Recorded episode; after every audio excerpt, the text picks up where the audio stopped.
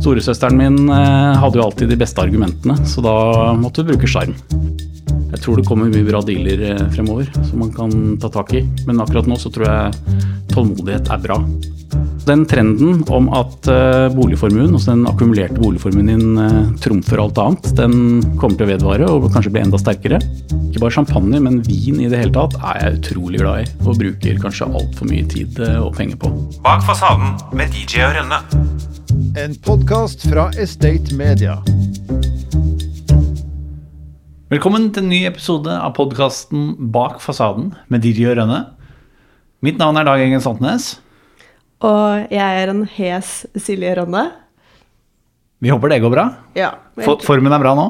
Formen er helt grei, og vi har blitt enige om å legge inn noen hostepauser. Så hvis det er noen sånne awkward eh, pauser i poden, så vet vi bare hva, hva som er grunnen til det. Ja, Men du kan fortelle litt om eh, hvem vi er så heldige å ha på besøk i dag. Ja, kjært barn har mange navn. Dagens gjest han går under kallenavnet Silver Fox. Og Mr. Smoothtalker, sistnevnte, fordi han er veldig flink til å prate og sjarmere både damer og grunneiere, sies det. Eh, han er også kjent for heis, peis og garasje, og mener at det er vinneroppskriften til en god bolig. Velkommen til deg, Kristen Rike Svendsen.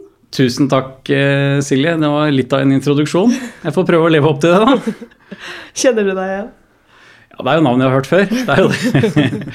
Silver Fox er jo i det minste berettiget. Det oppsto da jeg hadde en advokat som begynte å bli gråhåret og ble kalt for gråbein.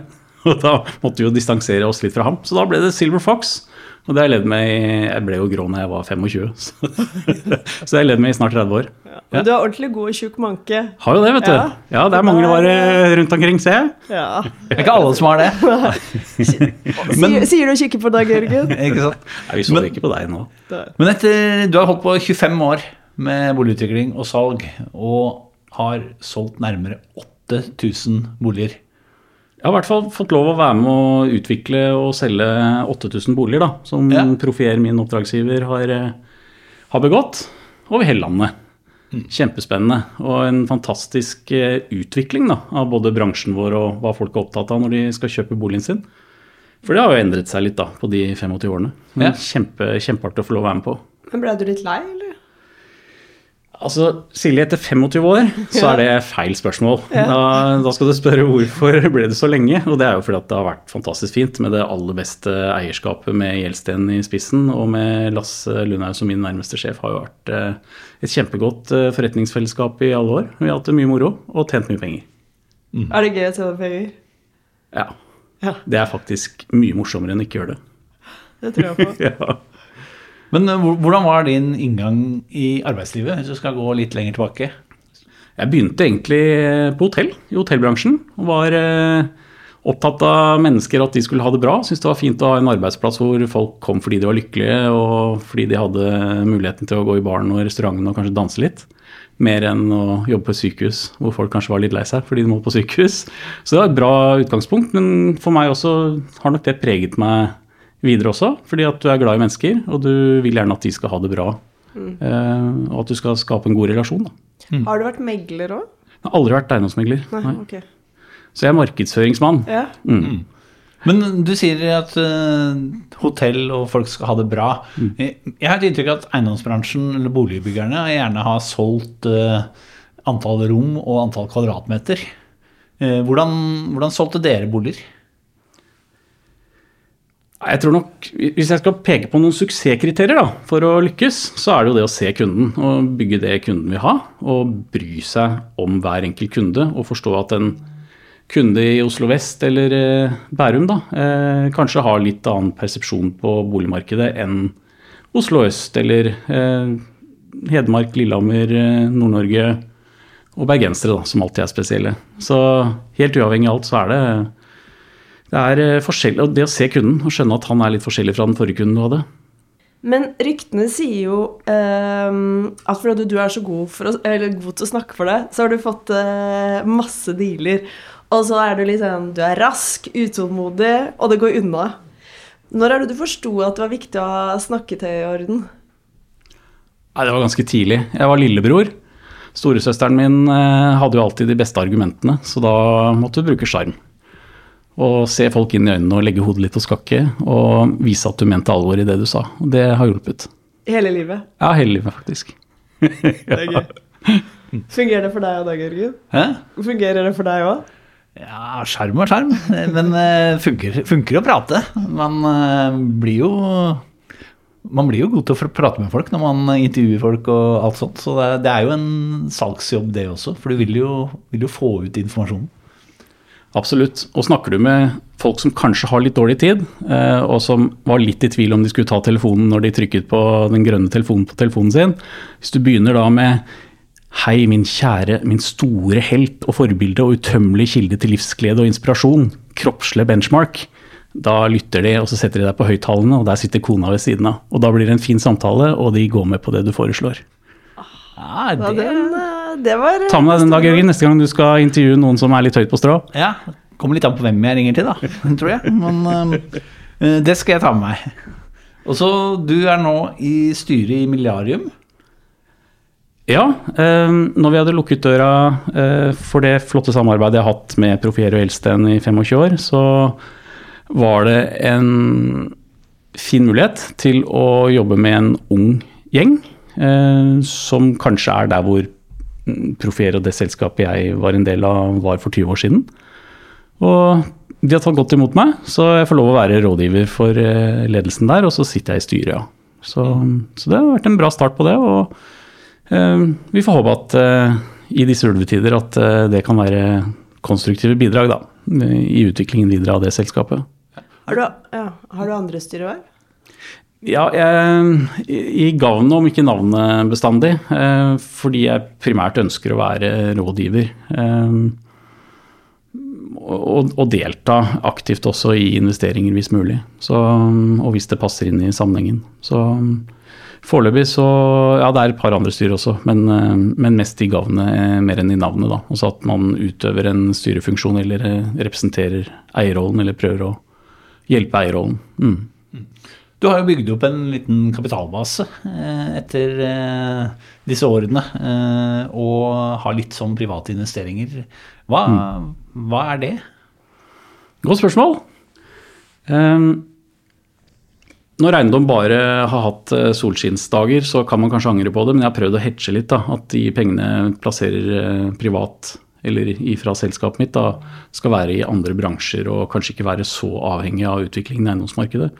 Så det har vært ganske klokt det siste året, da. Um, noe så avansert som hybridkapital eh, er jeg mye inne i, og også finansaksjer i finansmarkeder. og da er jeg bl.a. aksjonær i Pareto Bank, som jeg er veldig glad i. Syns det er et uh, veldig bra kompetanseteam som, uh, som for så vidt eiendomsbransjen er uh, veldig glad i. Da, og et, et, verktøy som er bra for, for eiendomsmarkedet som sådan. Så litt forsiktig kanskje, litt på den defensive siden.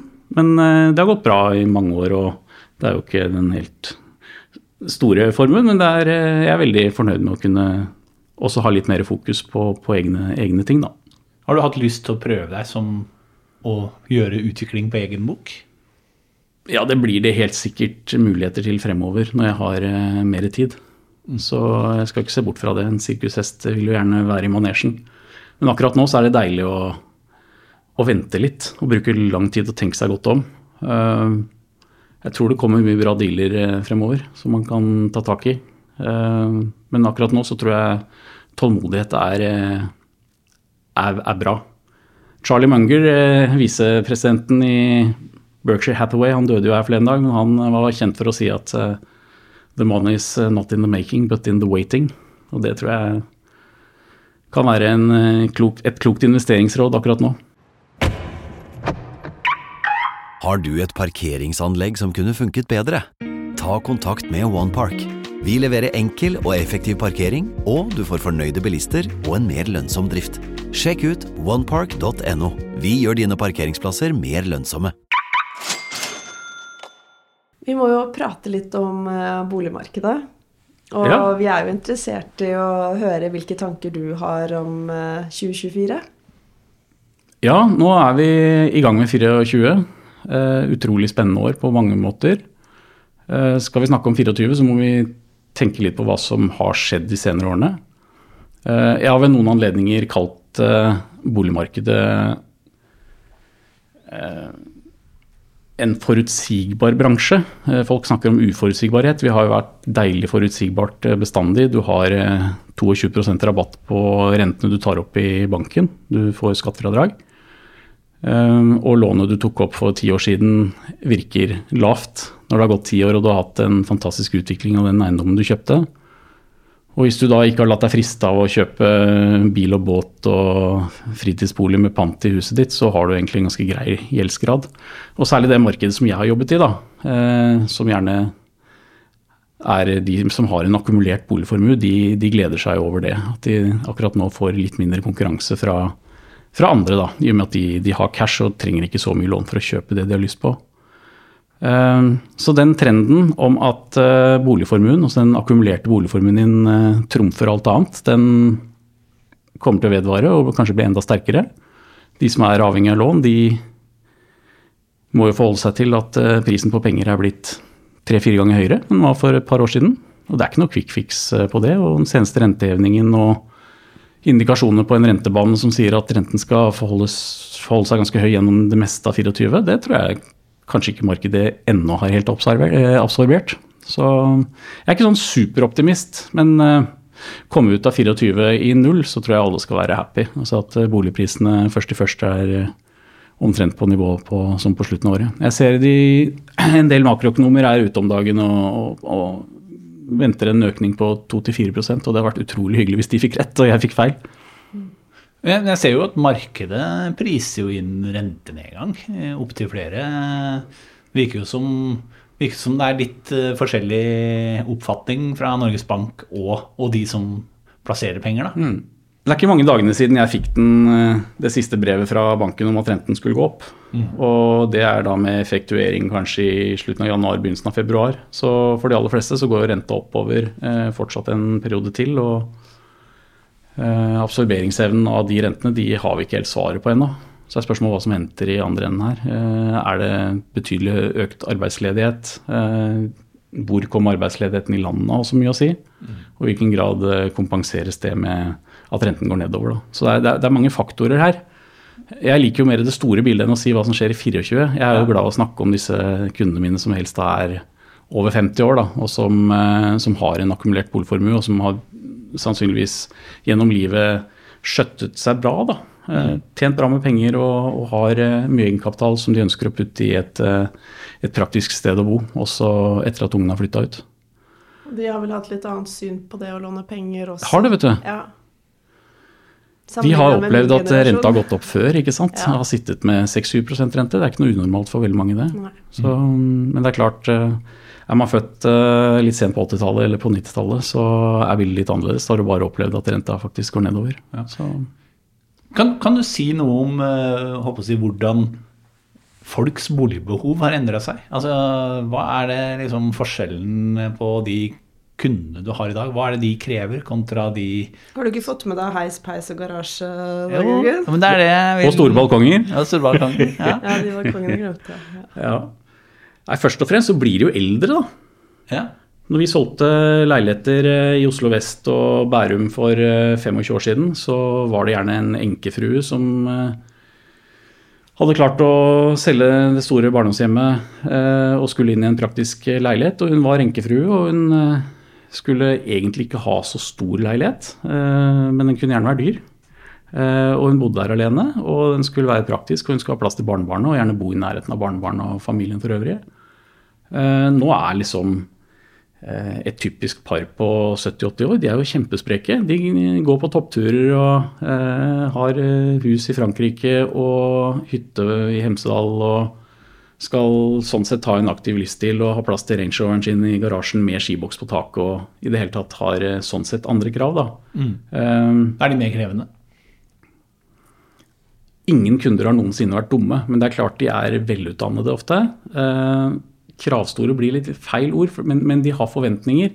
Og så er det opp til deg å styre den forventningsreisen fra det tidspunktet du begynner å snakke med dem, og til de skriver under, og til garantiperioden er over. Så det er jo et ekteskap du har med den kunden i sju-åtte år, ikke sant. Eh, og da må du oppføre deg ordentlig, og du må levere det du har lovt at du skal levere. Eh, og du må, den forventningsstyringen som skjer underveis, den er utrolig viktig. Du høres jo Det høres ut som når det kommer til jobb, eh, at der er du ganske tålmodig, og at du ser på det lange bildet. Men eh, privat kjeder du deg litt fort? Ja, jeg gjør nok det. Jeg er nok eh, en rastløs fyr sånn sett. Men eh, jeg er jo glad i musikk òg, da. Så det å lytte til musikk, det er jo en tålmodighetsøvelse. Eh, Så det, Hva hører du på da? Nei, det er veldig glad i klassisk musikk. Jazz. Um, For så vidt altetende, bare det er bra kvalitet. Ja. Og det som er problemet med musikk som er laget i dag, er at du er ikke blitt kvitt alt det rælet som ingen vil høre på om ti år. Men hører du på om ting som ble laget for 20-30 år siden, så slipper du å høre det dårlig. Det er bare det gode som har overlevd. I Profier så jobbet du jo med kona di. Hvordan var det? Ja, Det må jo også være en tålmodighetsprøve. ja for henne å ha.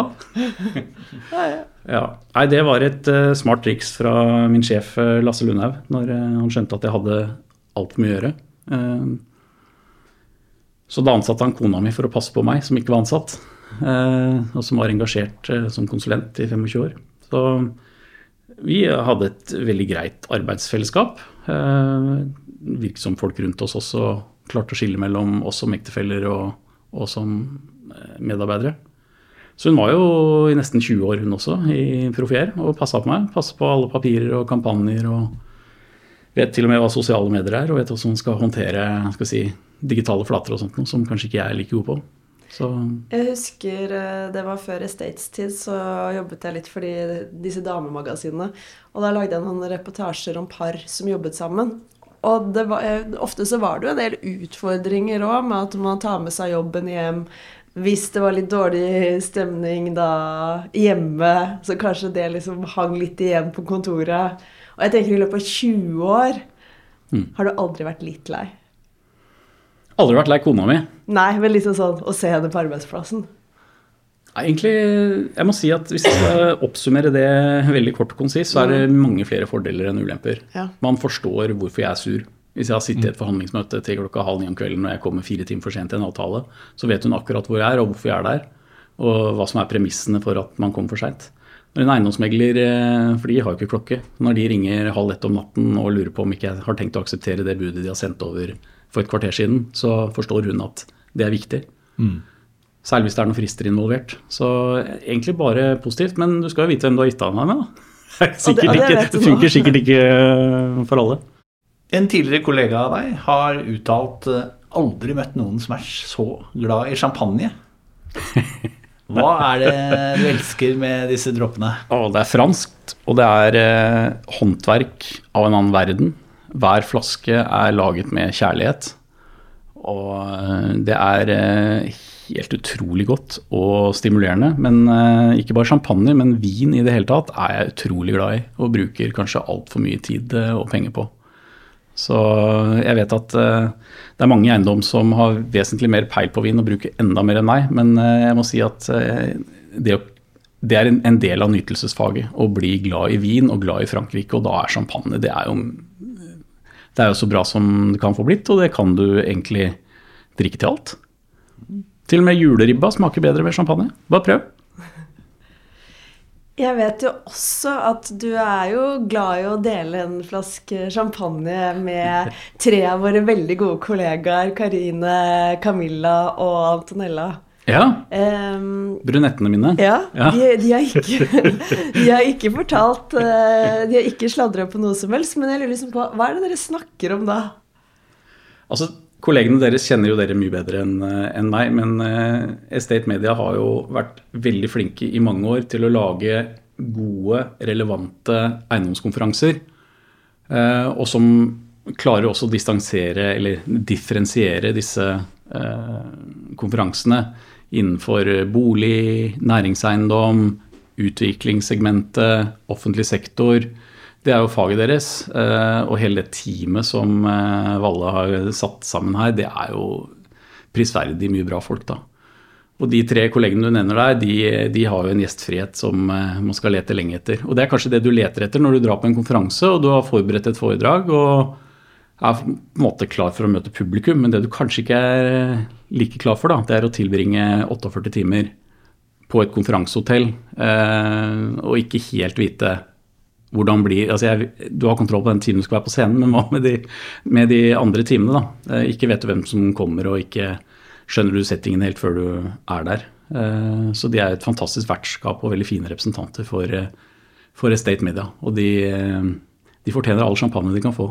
Å, det var, det Det var- hyggelig. Ja, det var, ja, det er jeg helt enig med deg. Men du har jo også møtt på en artig interiørarkitekt. Ja, Trond. Trond, Trond Ramsøskar. Ja. Dere har blitt både venner og hyttenaboer.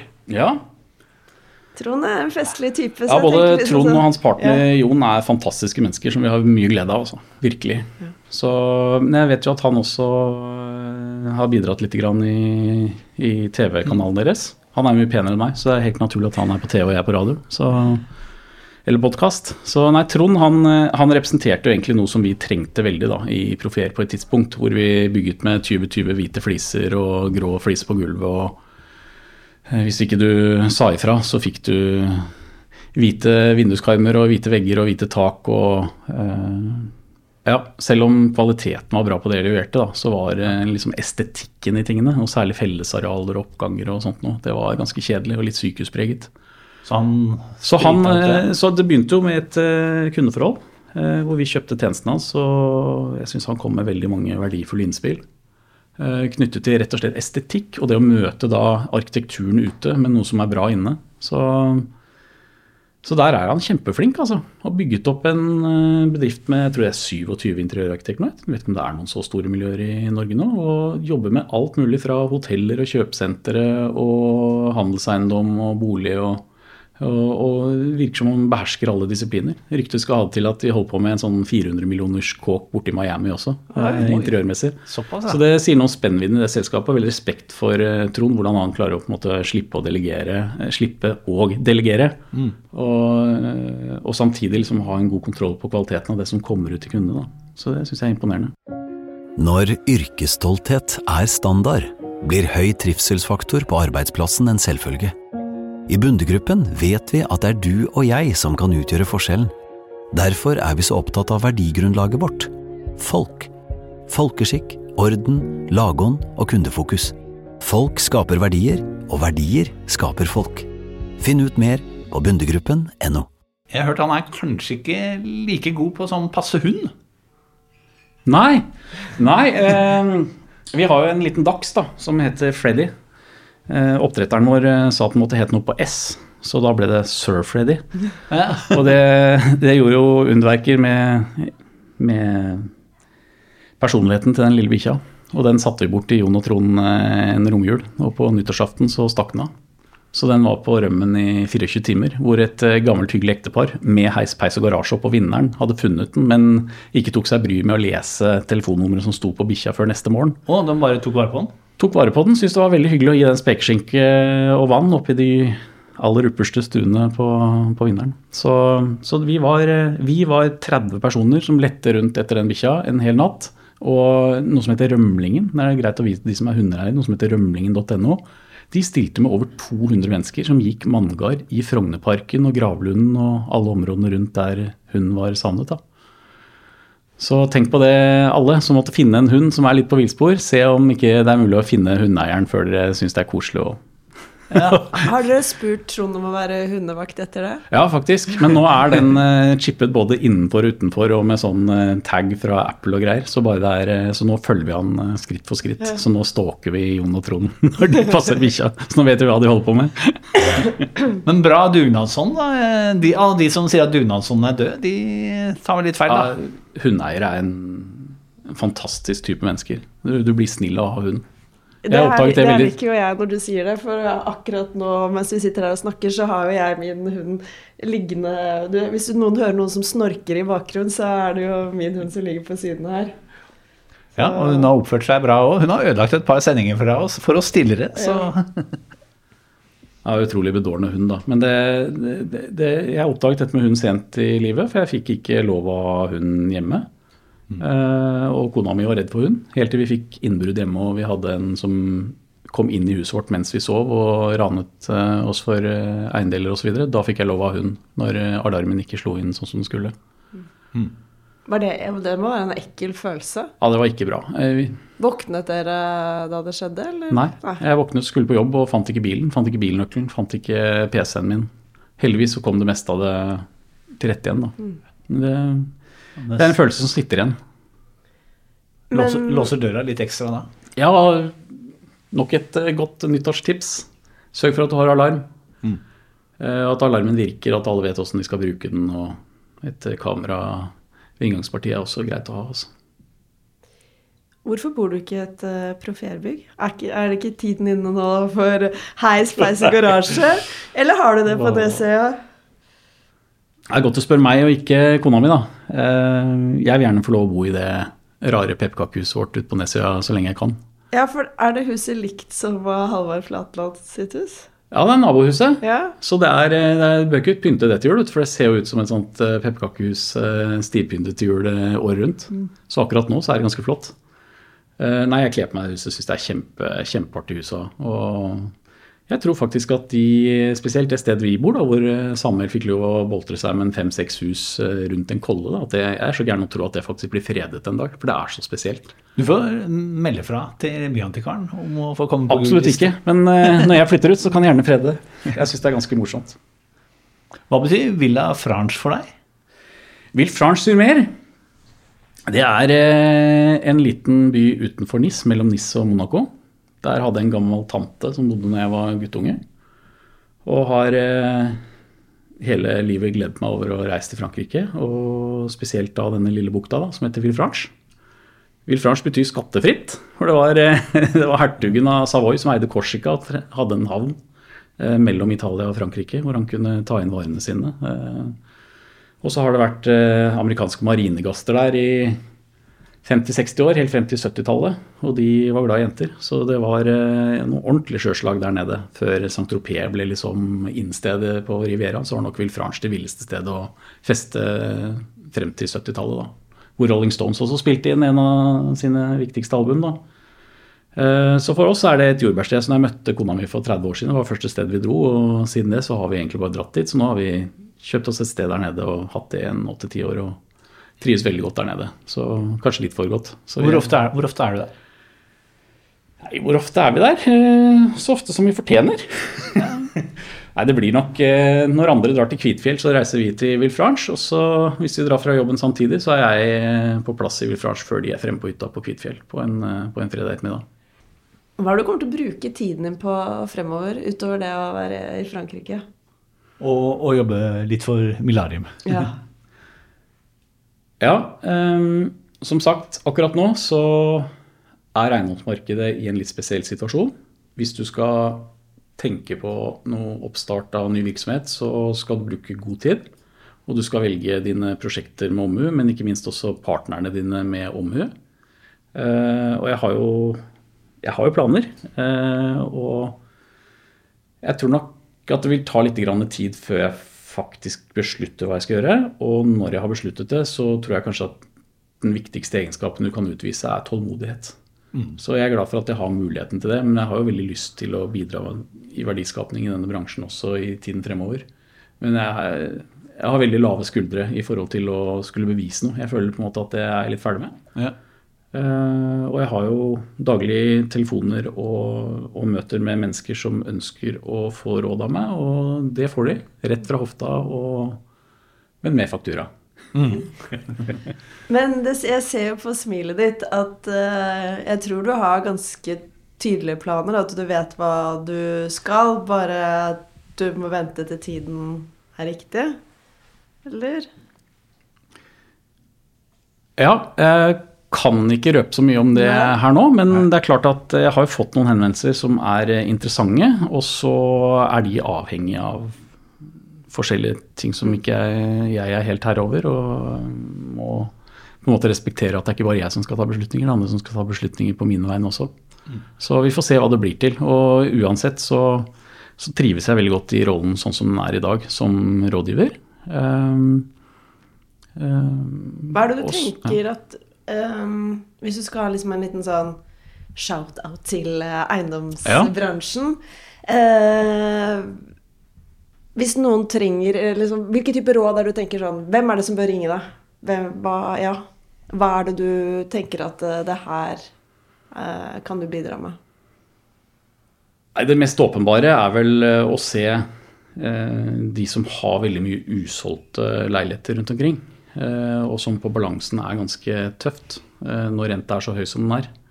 Eh, Man startet et prosjekt med en kalkyle, og så blir først kalkylen ødelagt av høye finanskostnader. Men hvis du da heller ikke har fått solgt eiendommen et, eller leilighetene etter at de er ferdig bygget, så har du et kjempeproblem.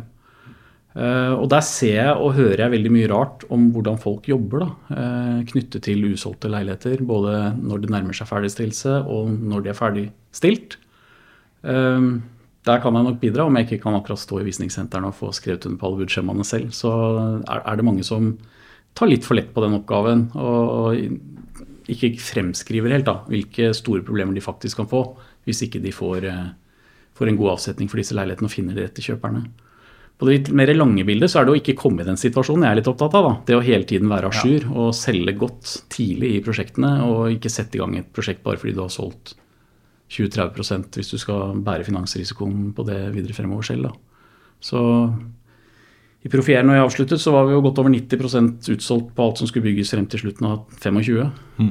så, men sånn er ikke bransjen skrudd sammen. Det er ikke alle eiere som har det samme fokuset som det Gjelsten hadde eh, på disse, disse tingene. Men er det ikke litt rart at, du, at selskaper eh, tar store investeringer, de bruker masse ressurser på både eh, håper å si, reguleringsprosess og så bygging, og penga løper, holdt jeg på å si. Og når du er i mål, nesten, så bruker du ikke Altså, du bruker ikke nok ressurser eh, på det å få solgt disse tingene. Det er jo forklarlig. Altså Hvis eh, kassa er tom, Ja. eller eh, hver krone gjør innmari vondt, som gjør at du må gjøre andre enda verre prioriteringer. Det er jo da det gjør virkelig vondt. Men vi har jo også eiendomsaktører som har bra med egenkapital, eller har eiere som definitivt burde forstå at det å spare seg til fant er en ganske dårlig strategi, da, sånn som markedet er akkurat nå. Ja, For dette kommer jo tilbake. Det kommer tilbake. Eh, Det er aldri liksom en repetisjon av hvordan ting har vært. Nei. Men hvis jeg må få lov å si noe som er litt flåste, men allikevel veldig relevant, så er vi så heldige, vi som jobber med eiendom. Vi selger ikke Crocs eller e-sigaretter eller et eller annet som er borte om tre år eller ti år, eller som endrer seg hvor, eh, hvor bransjen er borte. Vi selger et sted hvor folk skal bo, et hjem folk skal bo i, og som folk skal identifisere seg med. Så vi kan faktisk tillate oss å tenke litt langsiktig. Og så har vi en forpliktelse, fordi det vi holder på med, det er så store tall, det er så mange nuller bak tallene, eh, at vi er et forbrukermarked, men det har makroøkonomiske konsekvenser, det vi holder på med. Så det må vi ta inn over oss. Og så er det klart at eh, den såkalte grådighetsskogen som jeg pleier å snakke om, da, altså når alle piler peker oppover, så kjøper man kanskje litt for dårlige tomter til litt for høy pris, bygger litt for kjipt og forventer å selge litt for, dyrt. Og av og til så må man ta tap. Noen ganger så må man på en måte stikke fingeren i jorda og si hva er dette egentlig verdt? Bak fasaden med DJ og Rønne.